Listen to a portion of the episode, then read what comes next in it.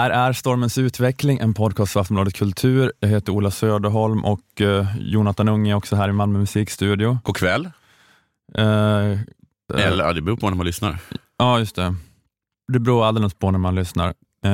Men du ska, prata om, du ska prata om Brexit. Lite Brexit och lite Flexit ska jag prata om. Jag kommer att gå in på det närmre. Ja, du förklarar vad du menar med det Exakt. senare. Så det är delar av veckans avsnitt. Jag tänkte först nu att jag ska prata här lite om eh, eh, att jag, jag har sett den här nya dokumentären om Estonia-katastrofen Var den bra? på Dplay. Estonia-fyndet som ändrar allt. Eh, ja, ja. Men det var bra. Det var, det, det, det var bra. Det var, jag har Var det inte, spännande? Ja, det var ganska spännande. Jag, inte, jag insåg att alltså, bara, bara att få Estonia-katastrofen berättad för en räckte ganska långt för mig. Mm. För, för det har inte alls det har inte vevat så mycket tycker jag. Eller jag, har, jag har aldrig bara sett en sån här rekonstruktion och ögonvittnen som berättar hur de tog sig ut och så vidare. Du kanske var för ung? Du kanske inte var med om själva Estonia? Ja, jag var, jag var ju 12. Ja, Men Ja. jag minns att jag var ganska så här, eh, att jag hängde med Okej. och var så rätt intresserad på ett lite lillgammalt sätt. Att jag Ja. kanske var så stor så jag hade börjat följa media på ett lite mer aktivt sätt. och så där. Mm. Vad är din relation till Estonia? Min relation till Estonia är väl att man har hört ganska mycket om den. Ja, jo, Och så. jo det låter i och för sig också Ja. Som, mycket som en relation man kan ha. Ja. Det har varit en stor grej. Ja, för du hade väl den att det inte hade varit så mycket om den? Ja, men det är klart det har varit mycket om det, men det var bara... Men hur mycket vill du att man ska ha om den? Ska varje dag ska det vara? Ska jag påminna dig varenda dag? Ja, men det, det är vissa sådana Glöm national- aldrig, glöm aldrig Estonia, Ja, men Ola. vissa så här nationella trauman är det så här att eh, med så klockslag, då händer det, då händer det. Ja. Men nu bara att jag bara fick se de här, eh, att de bara förklarar hur snabbt det kom in vatten, hur den välte, Vadå, hur, hur de sprang upp och att de så stod, den låg liksom på sidan, så Ja. att liksom sidan på båten jag var ett plan Du och så står de på planet Du behöver där. inte berätta det för mig, allt det Eh, vet jag. Och eh, att det var så jäkla... Alltså, ja, men det var, ja, fruktansvärt ja. ja, ja, ja. Ja, men det var, men det var Jag mycket... tror det är fruktansvärt all- efter. allt det där, äh, ja, men allt det där med, vad var det, att det var så här, ja, men typ äh, 130 av 1000 som överlevde och sånt där. Ja. Och äh, alla var, typ 80-85 procent var män. Ja. Äh, typ alla var mellan 20 och 45. Ja. Alltså just den där äh, grejen. Hade man varit där med barn hade man varit helt, Helt ja, chanslös. klart död. Man Ja. varit tvungen. Usch, usch, usch. Men Jag hörde någon som så här hade fått, alltså som åkte med en kompis, så fick kompisen panik av vad som hände Mm. och tog beslutet att springa in och låsa in sig på toaletten. Ja, för att han det. blev bara liksom totalt panikslagen. Mm. Usch, usch, usch. Ja, men det var det, all, det, var det alla överlevare berättar, det, att det är det överlevarna berättar om också i den där dokumentären. Den där, att de av någon anledning bara hade instinkten att Ja. lägg benen på ryggen upp för trapporna. I I och med en tiondel, sen så springer de förbi folk som Ja. bara står förstenade Ja. eller så här, står och försöker vara så här, men ta det lugnt, det bara är någonting. det bara, går bara under. Ja, men, att, men det är just att de enda som hade en chans var de som hade den så här, någon så här djurisk instinkt att nu bara kuta upp. Du menar alltså att det här har du inte fått tidigare till skillnad från till exempel när Eldkvarn brann? Den, den nationella traumat.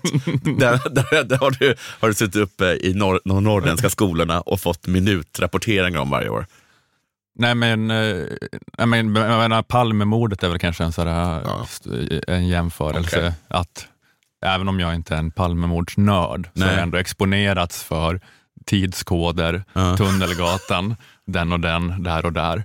Och eh, ja, men, ja, men det, är säkert ingen, eh, det är säkert ingen eh, allmän upplevelse jag kan generalisera utifrån. Nej. Men det var bara, för mig var det lite nytt att bara få det förklarat på det här viset. Men det var, det, var bra, det var bra att den kom, den här dokumentären, nu, att den fyllde också ut tomrummet i konspirationshjärnan lite, efter att Palmemordet pyste ut i den här besvikelsen i våras. Ja, just det. Men nu, nu är man på G igen. Ja. Att I want to believe. Sossarna era sjuka jävlar, vad har ni gjort? Mörkläggning och så vidare. Men att, att det var, att, att, ryss, förr var det som man sa att det var ryssarna som hade sänkt den. För Mm. att sossarna smugglade ut eh, hemliga walkie-talkies de hade köpt från eh, olika förband i Ryssland. Ja, ja exakt. Jag kommer nog komma Ja. lite till det senare, men, Ja. ja. men att det är mycket där då att, att det var det sönderfallande Sovjet Ja. på den tiden och så bara skvalpade runt. Militärmateriel lite De bara, överallt. skickade, de bara skick- skickade över Tage G Pettersson med en stor bunt pengar. som, ja, det, var, jättelätt att få det från Ryssland till Ja. hamnen i Tallinn och, och till Sverige. Ehm, men det, det är en dokumentär om vad som hände Mm. eh, när passagerarfärjan Estonia sjönk på vägen mellan Tallinn och Stockholm eh, för 26 år sedan, 28 september 1994. 852 människor dog, 501 av dem var svenskar. Eh, och att det då har så här, ältats en del frågor kring Estonia sen förlisningen. Mm. Att, eh, varför bärgades den inte?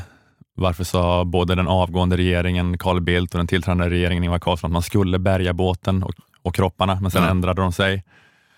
Eh, varför ville man gjuta in vraket i betong? Ja. Eh, varför har man inte velat genomföra fler dykningar? Varför sjönk båten så snabbt? Eh, en grej också. Mm.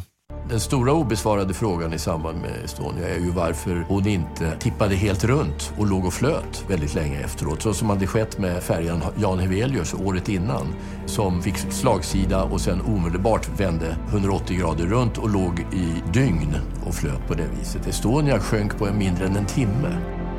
Vad heter han? Hyselius? Han? Jan, det var den polska färjan. Ja, Jan Hevelius. Ja, Ja. ja, ja precis. Mm. Men det här, det här var Lars Borgnäs Mm. eh, som är journalist och han medverkar i den här dokumentären. Och, eh, ja, men det var då att Estonia sjönk så otroligt fort och grejen är, som de menar är då att på, eh, på grund av så luft i skrovet som Mm. är under bildäck, då borde Estonia ha bara vält runt och hamnat upp och ner Mm. och legat och flutit så. Då. Det var så den där polska färjan gjorde. Och den officiella förklaringen till att Estonia sjönk, det är då att, eh, att bogvisiret lossnade och det forsade in vatten på bildäck. Mm. Men det vattnet borde då inte ha kommit, kunnat komma ner i skrovet under bildäck i sådana mängder, Mhm. så att det skulle ha lett till att fartyget, fartyget sjönk så snabbt på det viset, så viset som det gjorde. Eh, och Då är frågan då om det har hänt något annat som gjort att den sjönk så snabbt. Och Bland annat då tas det upp i filmen att vittnen har en helt annan bild av händelseförloppet än, än haverikommissionens officiella rapport.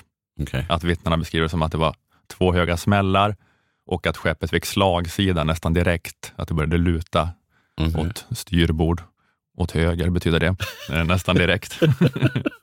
Jag vet att styrbord är. Ja, och till, till, skillnad, och till skillnad från rapporten som säger att det blev slagsida till, mot styrbord typ en kvart senare. Mhm. Att båten körde på en kvart utan bogvisir Okej. innan det blev slagsida.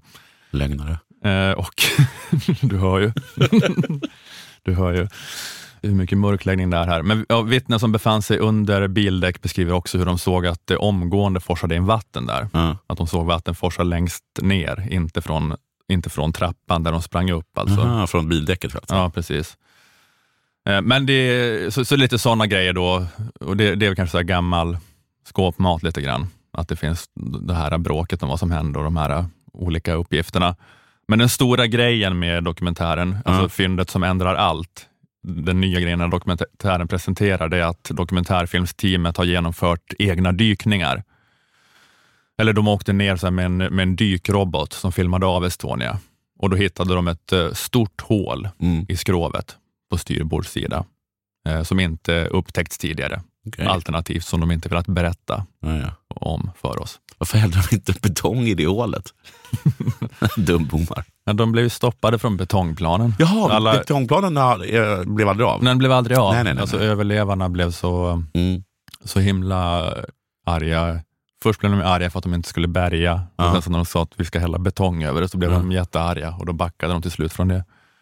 Så den, eh, de började hälla ner lite stenar runt omkring tror jag. Okej. För att den ligger på mjuk sand skulle de stabilisera upp med stenar runt Estonia Aha. som en förberedelse för att hälla betong. Så det hann de börja göra, men, det, men sen stoppades det. Ehm, dokumentären avslöjar det här med det här tidigare okända hålet i skrovet. Mm. Eh, och, och att det då kan spekuleras om att det är det här hålet i skrovet som slås upp på styrbordssida, som, det är det som gör att skeppet direkt då fick slagsida Okej. åt styrbord. Mm. Eh, Anders Ulvarsson, professor emeritus i marin konstruktionsteknik, för fram teorin i Aftonbladet att först slogs hålet i skrovet upp, eh, fören på båten tyngdes ner av inströmmande vatten och det gjorde att bogvisiret fick större belastning och det brister och lossnar. Då. Mhm. Så det var då först hålet Mm. som destabiliserade båten lite grann, tillräckligt för att bogvisiret sen skulle lossna och så började det forsa in vatten. Men då är frågan hur hålet i skrovet eh, slogs upp. Ja. Hur kom det dit? Hur uppstod det? Eh, var det att Estonia rammades av en ubåt? Av en rysk jävla ubåt? Var det en rysk som jävla körde ubåt? in i Estonia? Var det en rysk jävla ubåt? Ja, eller svensk. Eller svensk? Eller brittisk. vilket tror man, vilket, eh, vilken teori förs fram? Jag tycker, ty- tycker att man hörde lite att det var, för att tidigare man sagt att det skulle vara ryska, Ja. alltså konspiratorikerna, men nu har man har, de- har de inte ändrat ut till svenska? Ja, det, det, alltså det är ju en, det är en konspirationsteori. Ja. Att som det- förs att fram i, i dokumentären? Att det är en, ja, men det är att det är en rysk, som, alltså det är en konspirationsteori som dokumentären inte går all in på, Nej. men, men kittlar oss lite med. ja. Eller, eller i alla fall att det är en ubåt, men, ja, men jag tycker ändå att det är rysk som är det underförstådda Ja, okej. eh, antydandet. Men visst har du inte hört att det, att det snackas lite om att det skulle vara en svensk ubåt nu? Och, Typ och, jag läste någon så här artikel där stod, där någon amiral eller någonting gick ut och sa att det kan absolut inte vara en svensk ubåt. Vi har inte kapacitet att göra hål. var, nej, men vad, varför, varför skulle det vara en svensk? Eller vad, vad är bara tanken liksom, med det? Men, men, men bara liksom att, eh, att ta upp konspirationsteorin en nivå. Okej. Om någon säger så här, jag tror att det var en rysk ubåt, då kan man ju överträffa honom bara, tror du det? Din dumma jävel. Det var, Det var en svensk. det var de du väl? vill att du ska tro.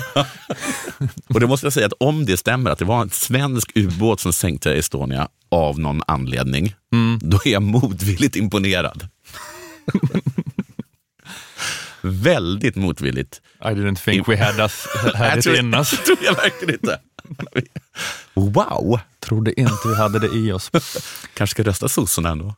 Nej, det är, Är det en rysk då, antagligen då?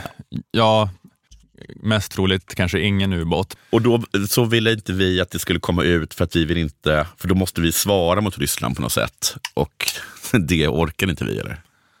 Ja, ja det var ju kanske en, en tanke. För att de var ju en sån ekonomisk jätte på den tiden. Ja, precis. Ja. Ryssland 1994. Ja, De hade BNP som var dubbelt så stor som Färöarna. ja precis. Ja, nej, men det, det, att det är den här ubåtskonspirationen, alltså dokumentären går inte all in på det, men kittlar oss lite med det. Ja. Här är ett vittnesmål från en av överlevarna, Karl-Erik Reintam, Mm. som berättar vad han ser efter att han, han har varit där längst nere, eh, där vattnet sprutat in, och sedan har han sprungit upp för trapporna och kommit upp på däck som en av de första människorna. Mm. Och då tittar han ut över havet och ser det här.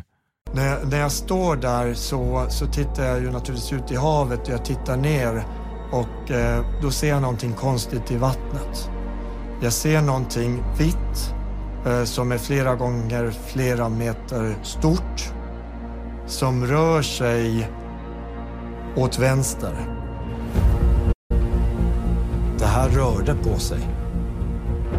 Jag har aldrig gjort militärtjänstgöring. Jag har ingen aning om hur ubåtar ser ut eh, eh, i vattnet. Det var ju mörkt i vattnet och så vidare. Jag har ingen aning om, eh, om en ubåt kan se ljusare ut än vattnet. Men uppenbarligen körde fartyget på någonting för vad är det som förklarar det att, eh, att eh, man hör ljud som låter som att fartyget kör genom is? när man är där nere där man hör allting som, som slår emot eh, fartyget. Mhm. Jättebra och jättedåligt vittne på samma gång. Ett sånt här vittne som jag tror att man är åklagare eller försvarsadvokat är inte helt säker på om man ska put in the chair, eller vad det heter. Take the stand. Han har ju sett någonting, men så gjorde han ner sig så himla mycket. Att Han han, visste inte hur en ubåt såg ut. Nej, I vatten i och för sig. Men, eh, ja, men det här vittnet då, såg han ubåten som hade varit och stångat Estonia? Mm. Det är lite så att de, de leker med den tanken i alla fall i filmen. Men det är i alla fall så att det är helt nya uppgifter, att av någon, av någon obegriplig anledning med det här jättestora hålet i båten, Ja. det, har, no, det har, har av någon anledning missats, snedstreck, undanhållits Mm. fram tills nu. Så det är ju liksom helt nytt och inte utrett. Men den mindre vilda gissningen Ja. om hur hålet i sidan uppstått, som många lyfter fram, är att hålet inte hade något med olyckan att göra, utan att hålet uppstod när färjan slog i botten. Aha, Att det var någon stenbumling eller klippa på botten av havet okej. som den landade på och slog upp hålet. Ehm, Men den här Ulvarsson, då, professorn som har teorin om att det var först hålet som Ja. slogs upp och sen bogvisiret trillade av, han säger att, han med säkerhet kan utesluta att det skulle ha varit en stenbumling på botten som orsakat hålet. För, att, han, för att han, tycker att det så, han tycker att det stämmer så bra överens med vittnesmålen. Mhm. Alltså bland annat då den Ja, här killen ja. som sa att han såg vatten spruta in under bildäck och det var just vittnen som befann sig i hytterna i närheten av där hålet slogs upp. Eh, De vittnena har gjort de observationerna. Och andra som har spekulerat menar på att det är för mjuk sand eller lera på botten där Estonia ligger. Ja, ja, Det hade krävts en stor sten på ett hårt underlag för att ha tillräckligt mycket kraft för att slå upp det där hålet. De kan. Ja.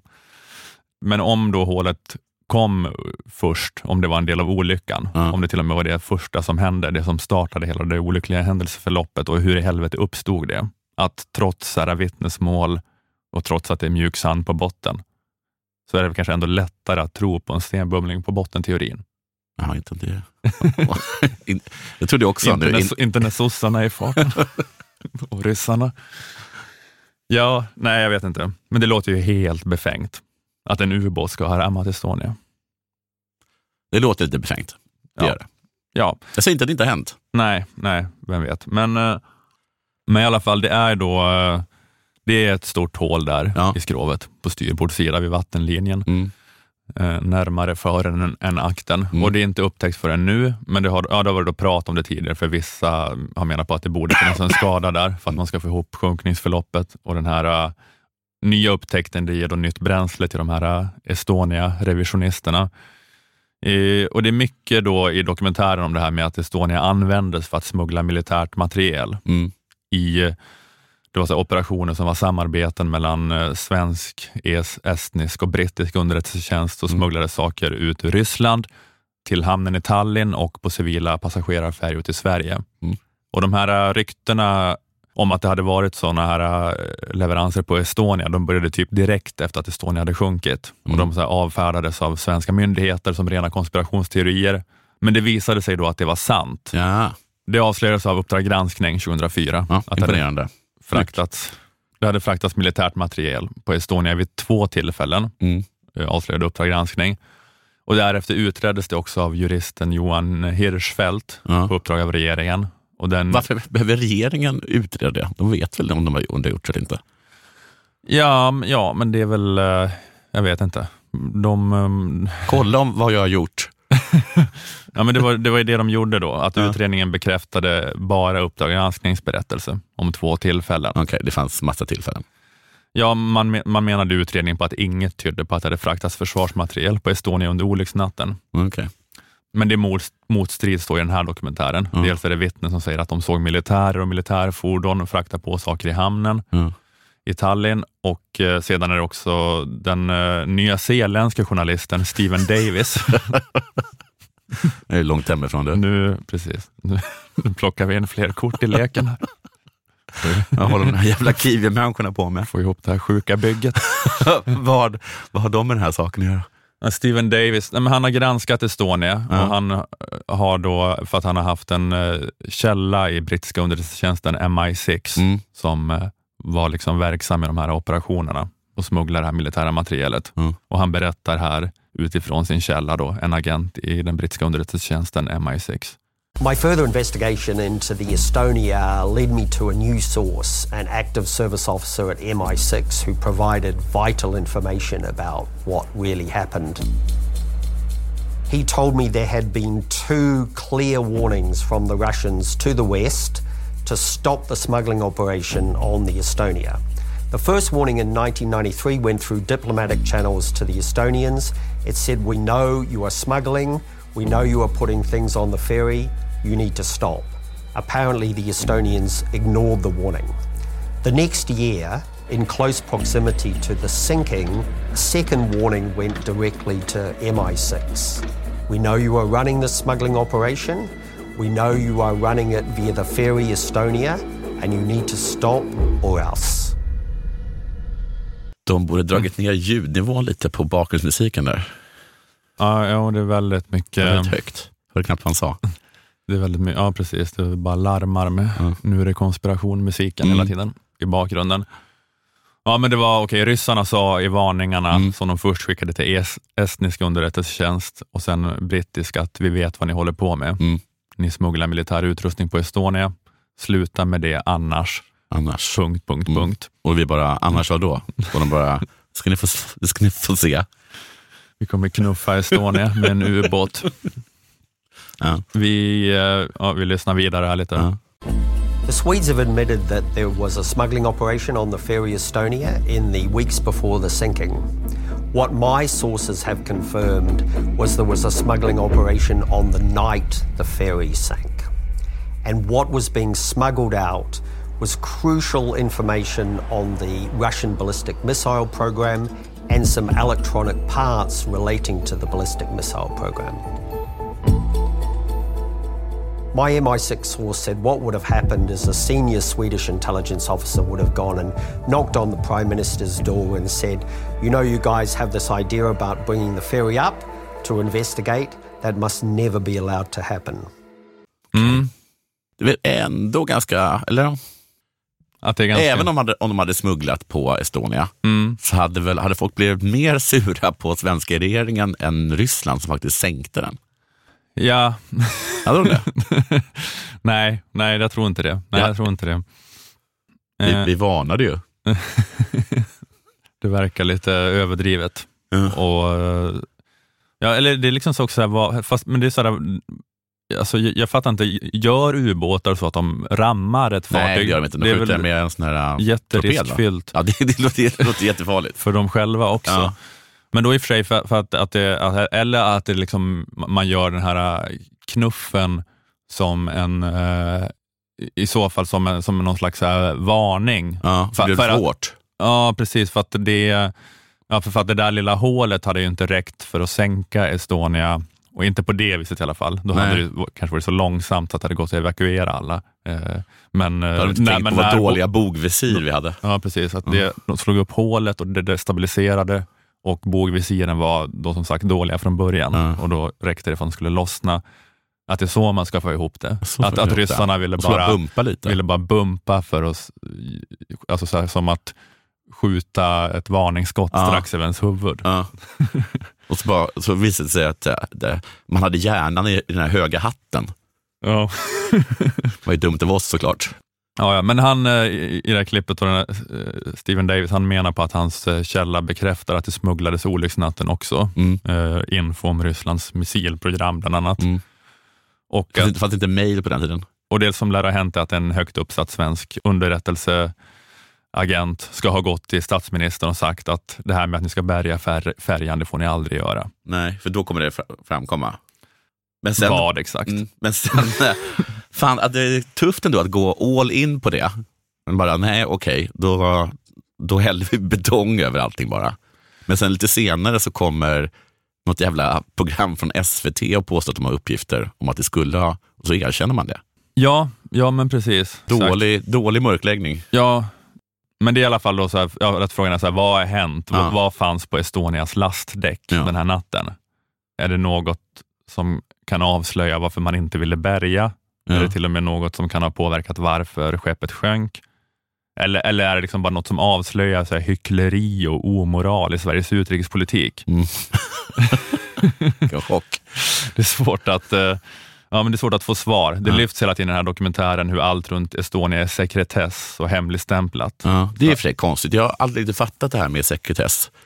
De, de här eh, band, kommer du ihåg de här banden som någon, eh, vad heter det, högra handen till Göran Persson Mm. hade alltså, angående, angående liksom tsunamin? Kommer du ihåg det? Ja, just det. Också- Lars Danielsson. Ja, var de sek- sekretess... eh, Alltså, vad ger en rätt till att sekretessbelägga saker?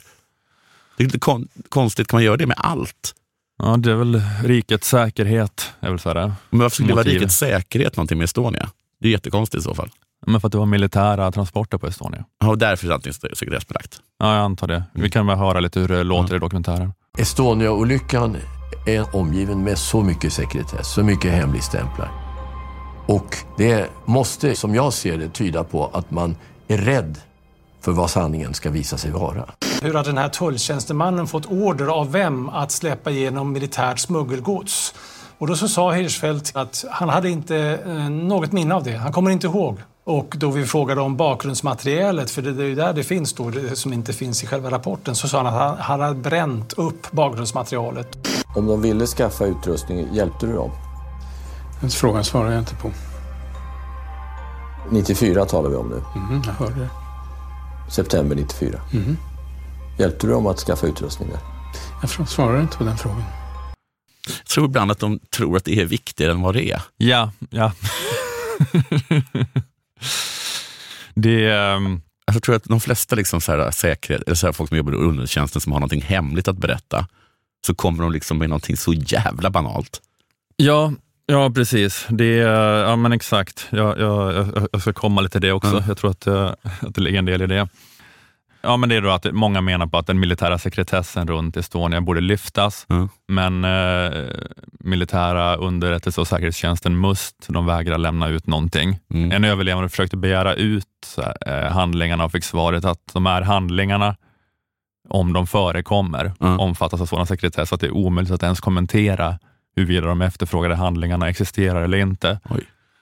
Så om det inte finns några handlingar om Estonia på olycksnatten så kan inte säkerhetstjänsten säga det. Nej, nej. De säger alltid det är sekretess oavsett vad man frågar. Okej. Så man kan, man kan säga, piska upp vilken konspiration som helst egentligen genom, genom att ställa frågor till MUST. Ja. Eller hur? Så här, Ja, har. Sverige ett hemligt kärnvapenprogram under Hallandsåsen? Det är sekretessbelagt. Om Bara- det existerar. Och de bara, så här, "Usch, lägg korten på bordet. Vad är det som är sekretessbelagt? Kan man Kanske säga nej där? Om de verkligen inte har något, då kan man bara säga nej. Men eftersom de då per, per automatik då bara svarar nej på sånt.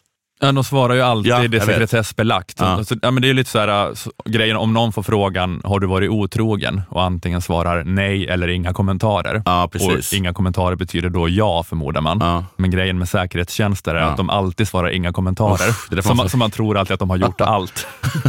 så himla många krascher i äktenskap i onödan.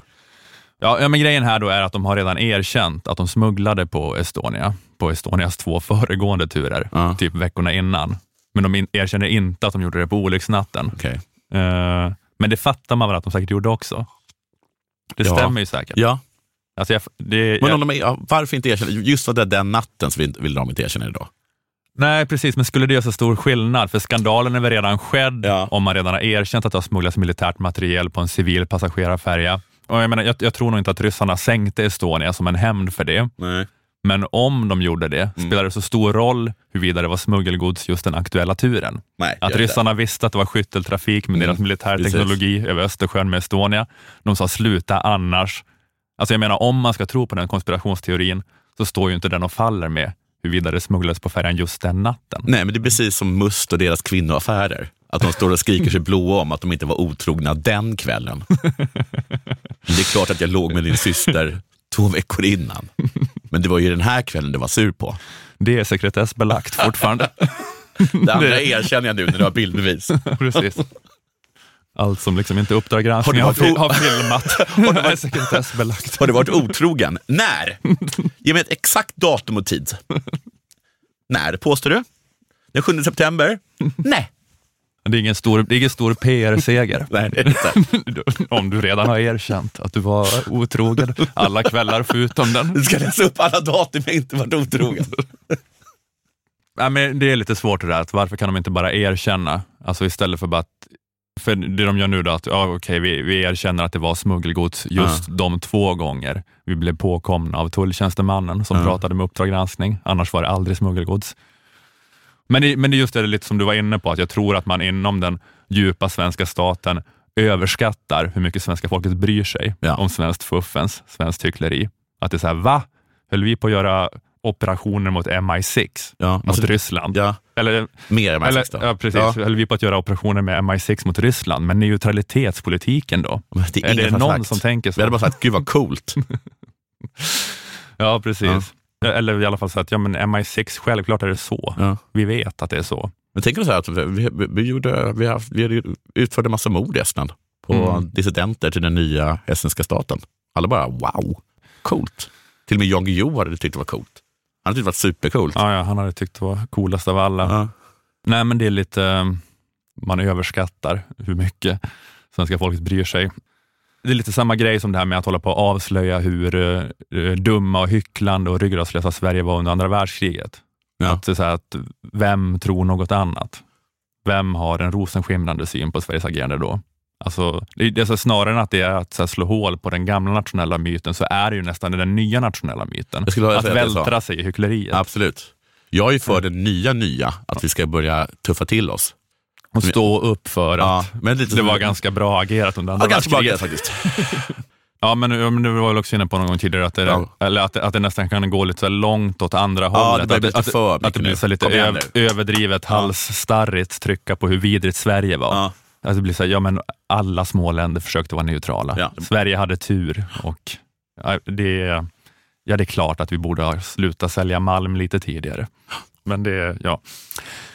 En annan sak var att jag läste recensionerna av Claes Östergrens nya roman och att den tydligen delvis handlar om Sveriges vapenaffär med Sydafrika runt millennieskiftet. Ja. Då regeringen hade någon Sydafrika-satsning med, sen nu ska vi ha ett nytt partnerskap med Sydafrika. Och Ja, vi skickar ner Dr. Alban. och skickade ner, de hade någon sån stor jippo, de hade en gala då typ eh, Dr. Alban och The Real Group uppträdde på någon fotbollsarena för Ja. tre betalande personer. Ja, det var, det ett fiasko. känt fiasko. Men att allt det här var, det var något så här biståndsfinansierat fluff, Ja. men det egentliga syftet med allt var att Sverige skulle kränga JAS-plan för 18 miljarder. Ja. Då. Ja. Och då ska Claes Östergren hålla på och avslöja hyckleriet kring detta. Det visste man redan då. Och man bara säger okej boomer. Där fick jag. Nu sa jag det. ja, men det är lite grann att, här, att avslöja det, det är inte längre att du avslöjar det nationella runket. Det är Nej. mer att verka i det nya nationella runket, det. det. aktuella nationella runket. Att så här, den, den narcissistiska nationella självfixeringen yttrar sig mer på det här viset. Att eh, man ska hålla på och eh, jag vet inte, självupptaget prata om hur, eh, hur dåliga just vi är. Ja. Tråkigt var att vi inte lyckades sälja några va? Det var så också, det blev inga. Jag vet inte, inga jättegrejer. Jag vet inte, gå med det JAS. Nej, har de sålt något någon gång? Vi har väl sålt liksom, har inte, har inte så Brasilien börjat tillverka dem? Jaha, Och, okej. sen, och de säljer dem. Och, sådär. Mhm. Förhoppningsvis. och då får bättre. Sverige någon slags procent Ja, då får vi, får något rabattkort någonstans. Vi kommer in billigare någonstans. Ja, men, men, men, men, det är just det att det, att det, att det är den känslan att det kan kännas lite gammaldags, Ja. det Must håller på med kring Estonia. Ja. Eh, om de håller på med någonting. Att det, att, Alltså vad den är, Ja. om ni bara säger det så kommer det vara fine. ja. att det liksom krävs att de är totalt överbevisade för att Ja. de ska erkänna att de har gjort något överhuvudtaget. Ja. De måste nästan ha sänkt den själva, tror jag, för det skulle bli en riktig ordentlig skandal. Ja, Och i så fall så kommer den också blåsa över ganska fort som det är nu i Twitter-tider. nej precis, precis. Det är liksom bara ett dygn senare, Ja. sen så har de, har de skrivit något transfobiskt på gardet. ja, så, så kommer vi inte ihåg det längre. Nej. Ja, men det känns som att de, det de håller på med när de, så här, när de sitter och, och bara är musslor kring det här, det är Mm. lite grann att bevaka någon nationell myt som kanske var aktuell fortfarande på 70-talet. Och Och att då se- var det kanske så här att åh, Jan Guillou håller på att avslöja myten, vi Ja. måste stoppa honom. Medborgarna måste fortsätta tro att Sverige inte har någon underrättelsetjänst. För att de är såklart övertygade om att Sverige, liksom Guds utvalda humanitära stormakt, de står över allt smutsjobb som vanliga länder måste ägna sig åt. Men också bara tror jag den uppfattning de har som sig själva som personer. Den här gubben vi hörde som vad heter det, fick då säga två, tre gånger att han inte hade några kommentarer. Mm, Alltså mm. Han, hade ju, han hade ju stånd. Ja, han Nej. lät ganska kåt. Ja, han hade stånd när han Han sa det. flämtade. Ja, den, han, han ringde sin fru och bara, gör dig redo. Något som inte har skett på tre år kommer ske.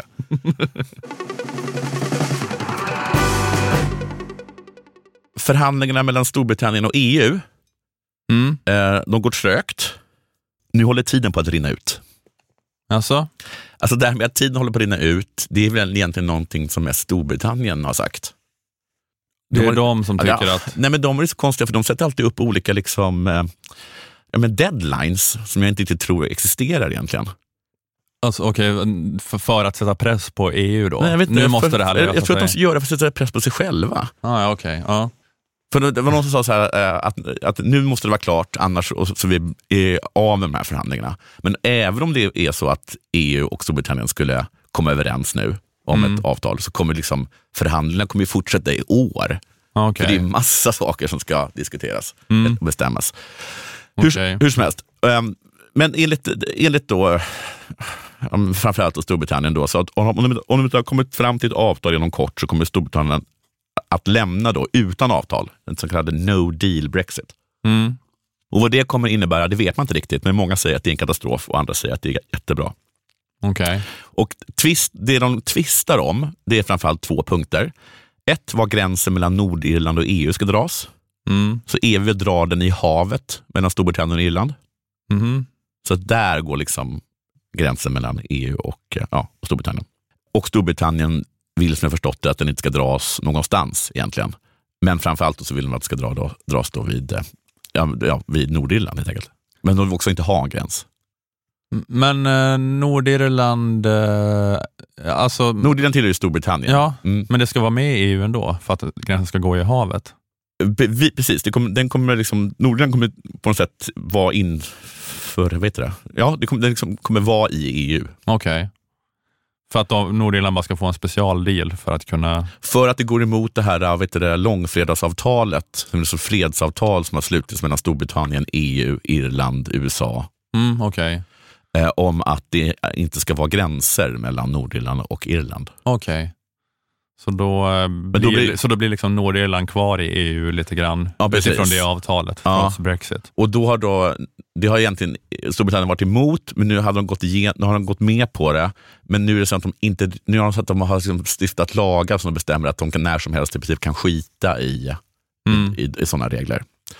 För att de tycker att det känns konstigt att, ett av deras, eh, att en del av deras land ligger utanför deras gräns.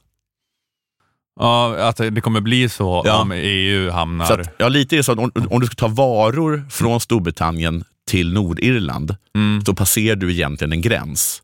Ja, just det. Och nu kommer det inte, det inte vara någon su- super liksom, hård gräns, men på något sätt så måste du då och då kanske göra stickkontroller eller, eller, eller alltså, i alla fall saker som förs över till Nordirland måste liksom hålla den standard som EU kräver till exempel. Ja, okej.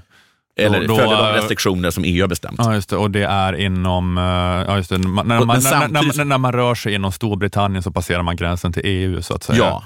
Och då, att då står det en eh, Luxemburgs EU-byråkrat och säger det här är Exakt. ingen gurka, den Nej. uppfyller inte måtten. Den är inte rak nog. Så som eh, nej.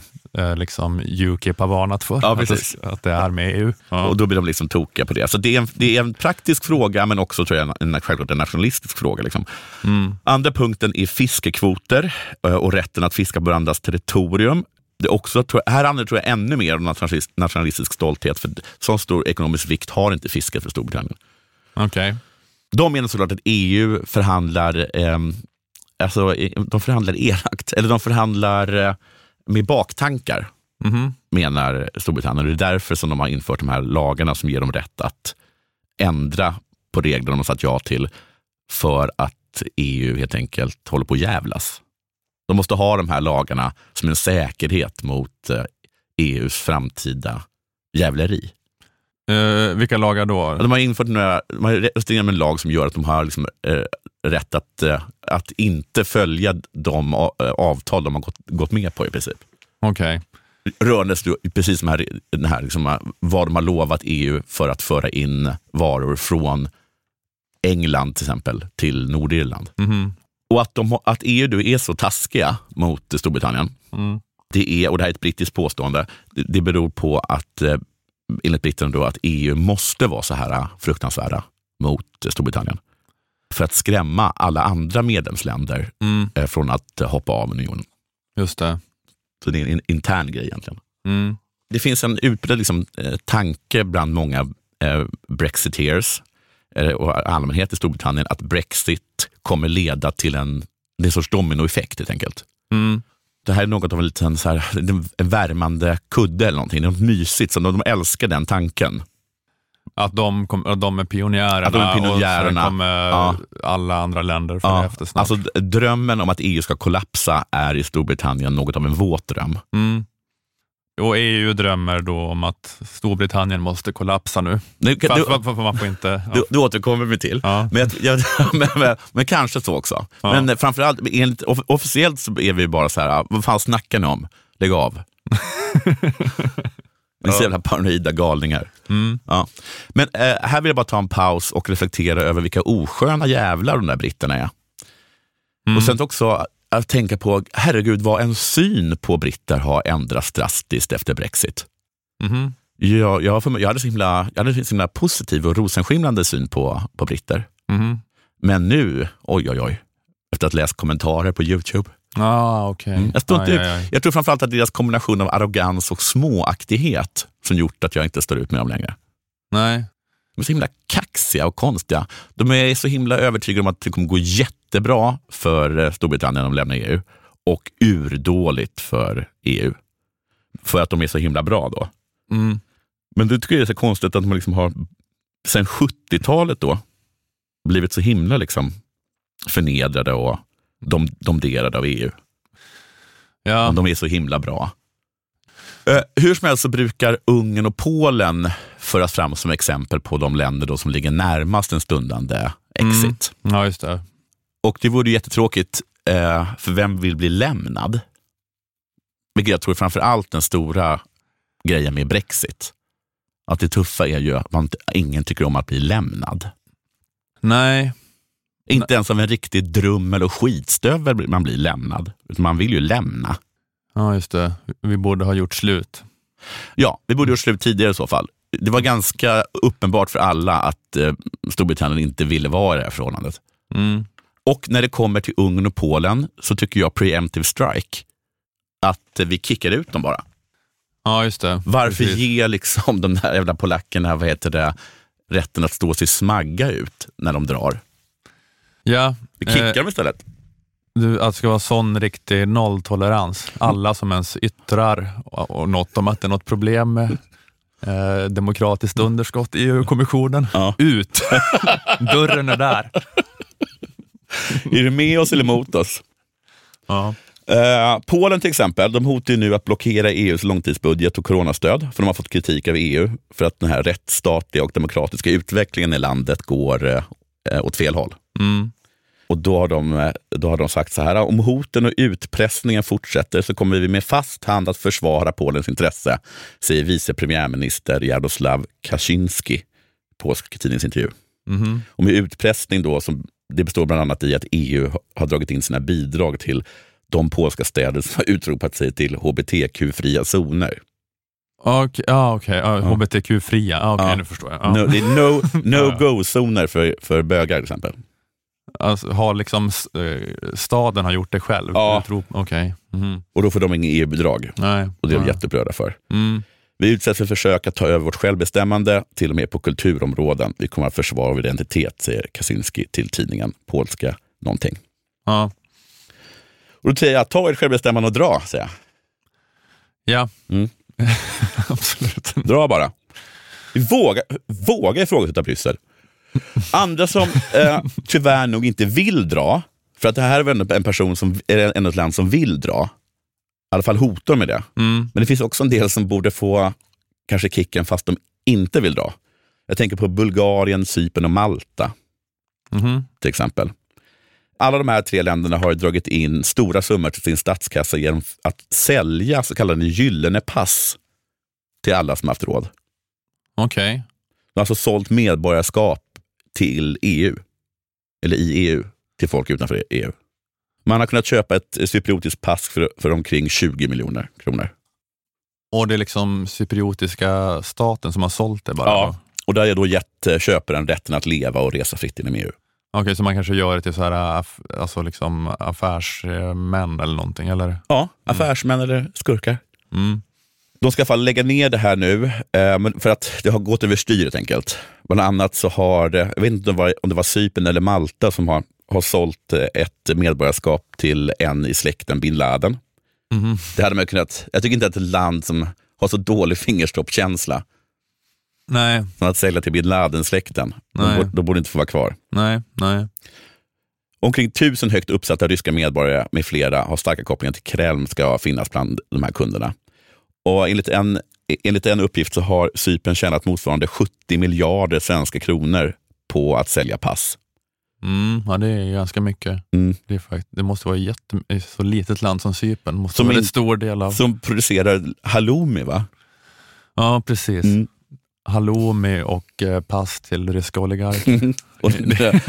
Nu tror jag att halloumi, det är så jobbigt att göra halloumi jämfört med hur lätt det är att göra pass.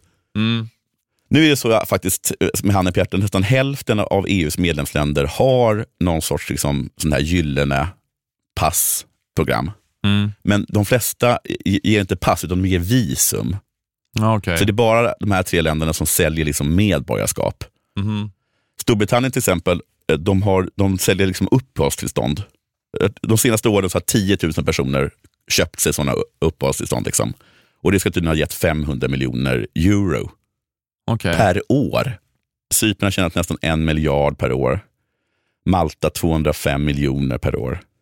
Spanien och Portugal har sålt för eh, 976 miljoner euro per år och 670 miljoner per år för Portugal.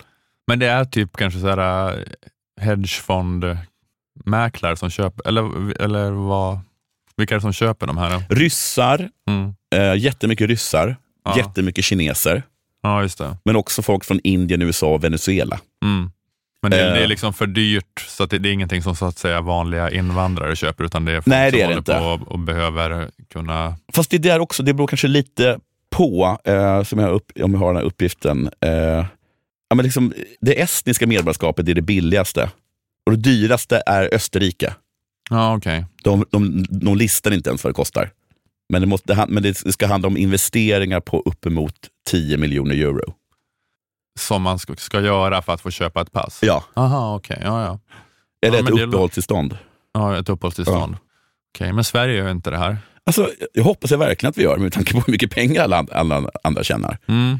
Men det har varit också en oerhört dålig övervakning av vem som faktiskt får det här visumet. Mm. eller medborgarskapet.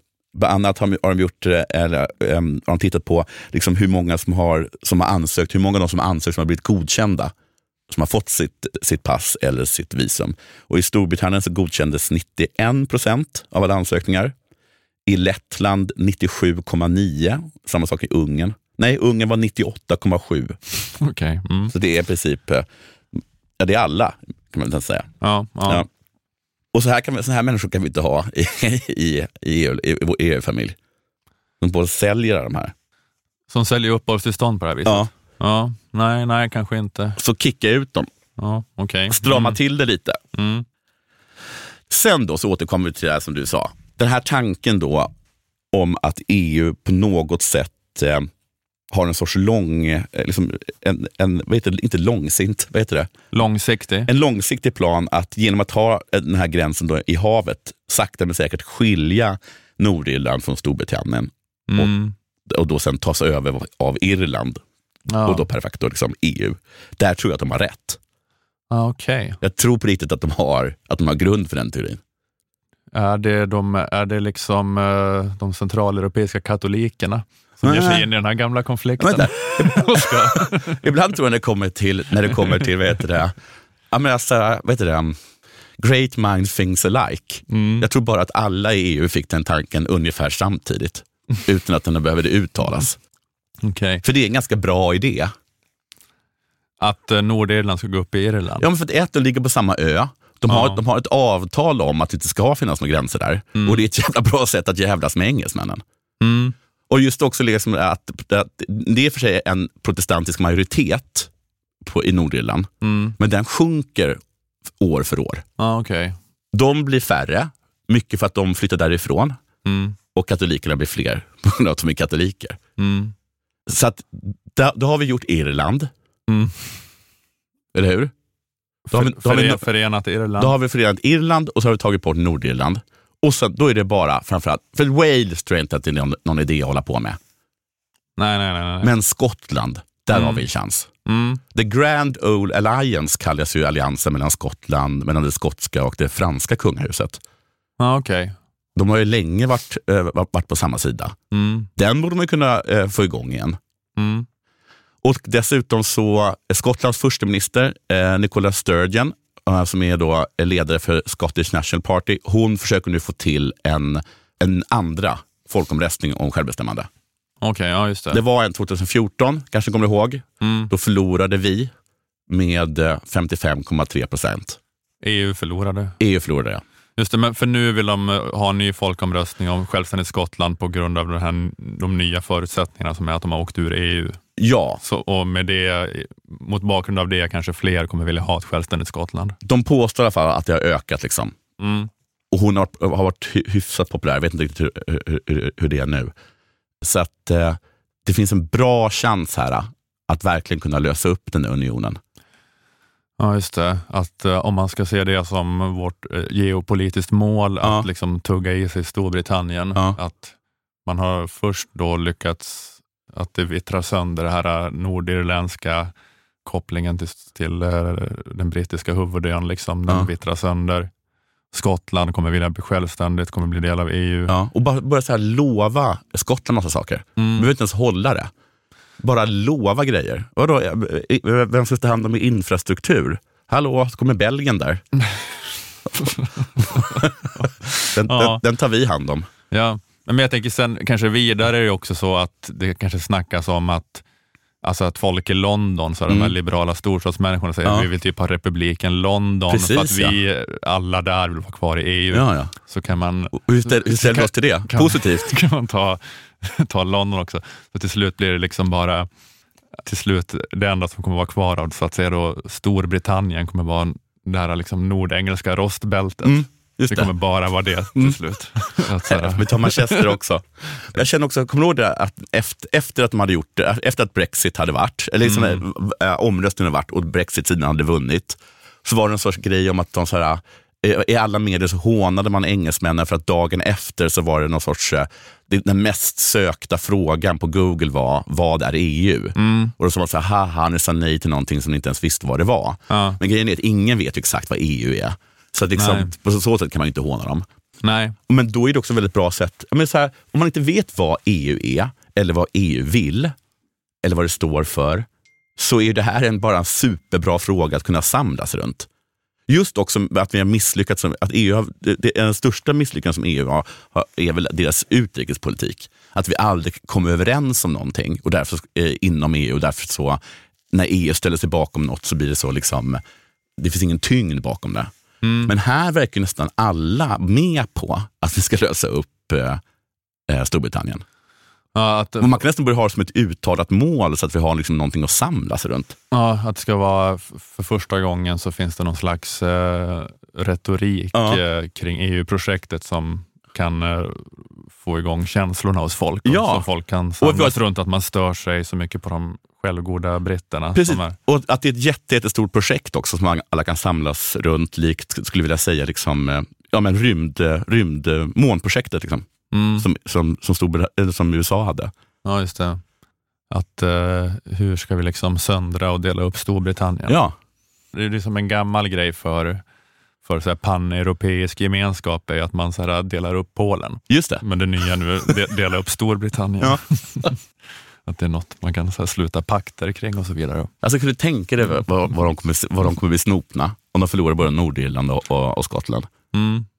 Riktigt snopna. Ja. ja, men det kanske kan vara, ja, eh, oavsett vad man eh, tycker är rätt och fel, kanske det är ett bra, bra, vad- bra projekt Vad är EU för någonting? Ja, EU är ett jättelikt projekt att jävlas med Storbritannien. Mm. Det är, Och det är värt varenda öre. Men eh, okej, men det var det då. Vi säger Mm. tack för den här veckan. Uh, hörs, hörs igen nästa gång. Tack till Aftonbladet Kultur. Hej då. Hej.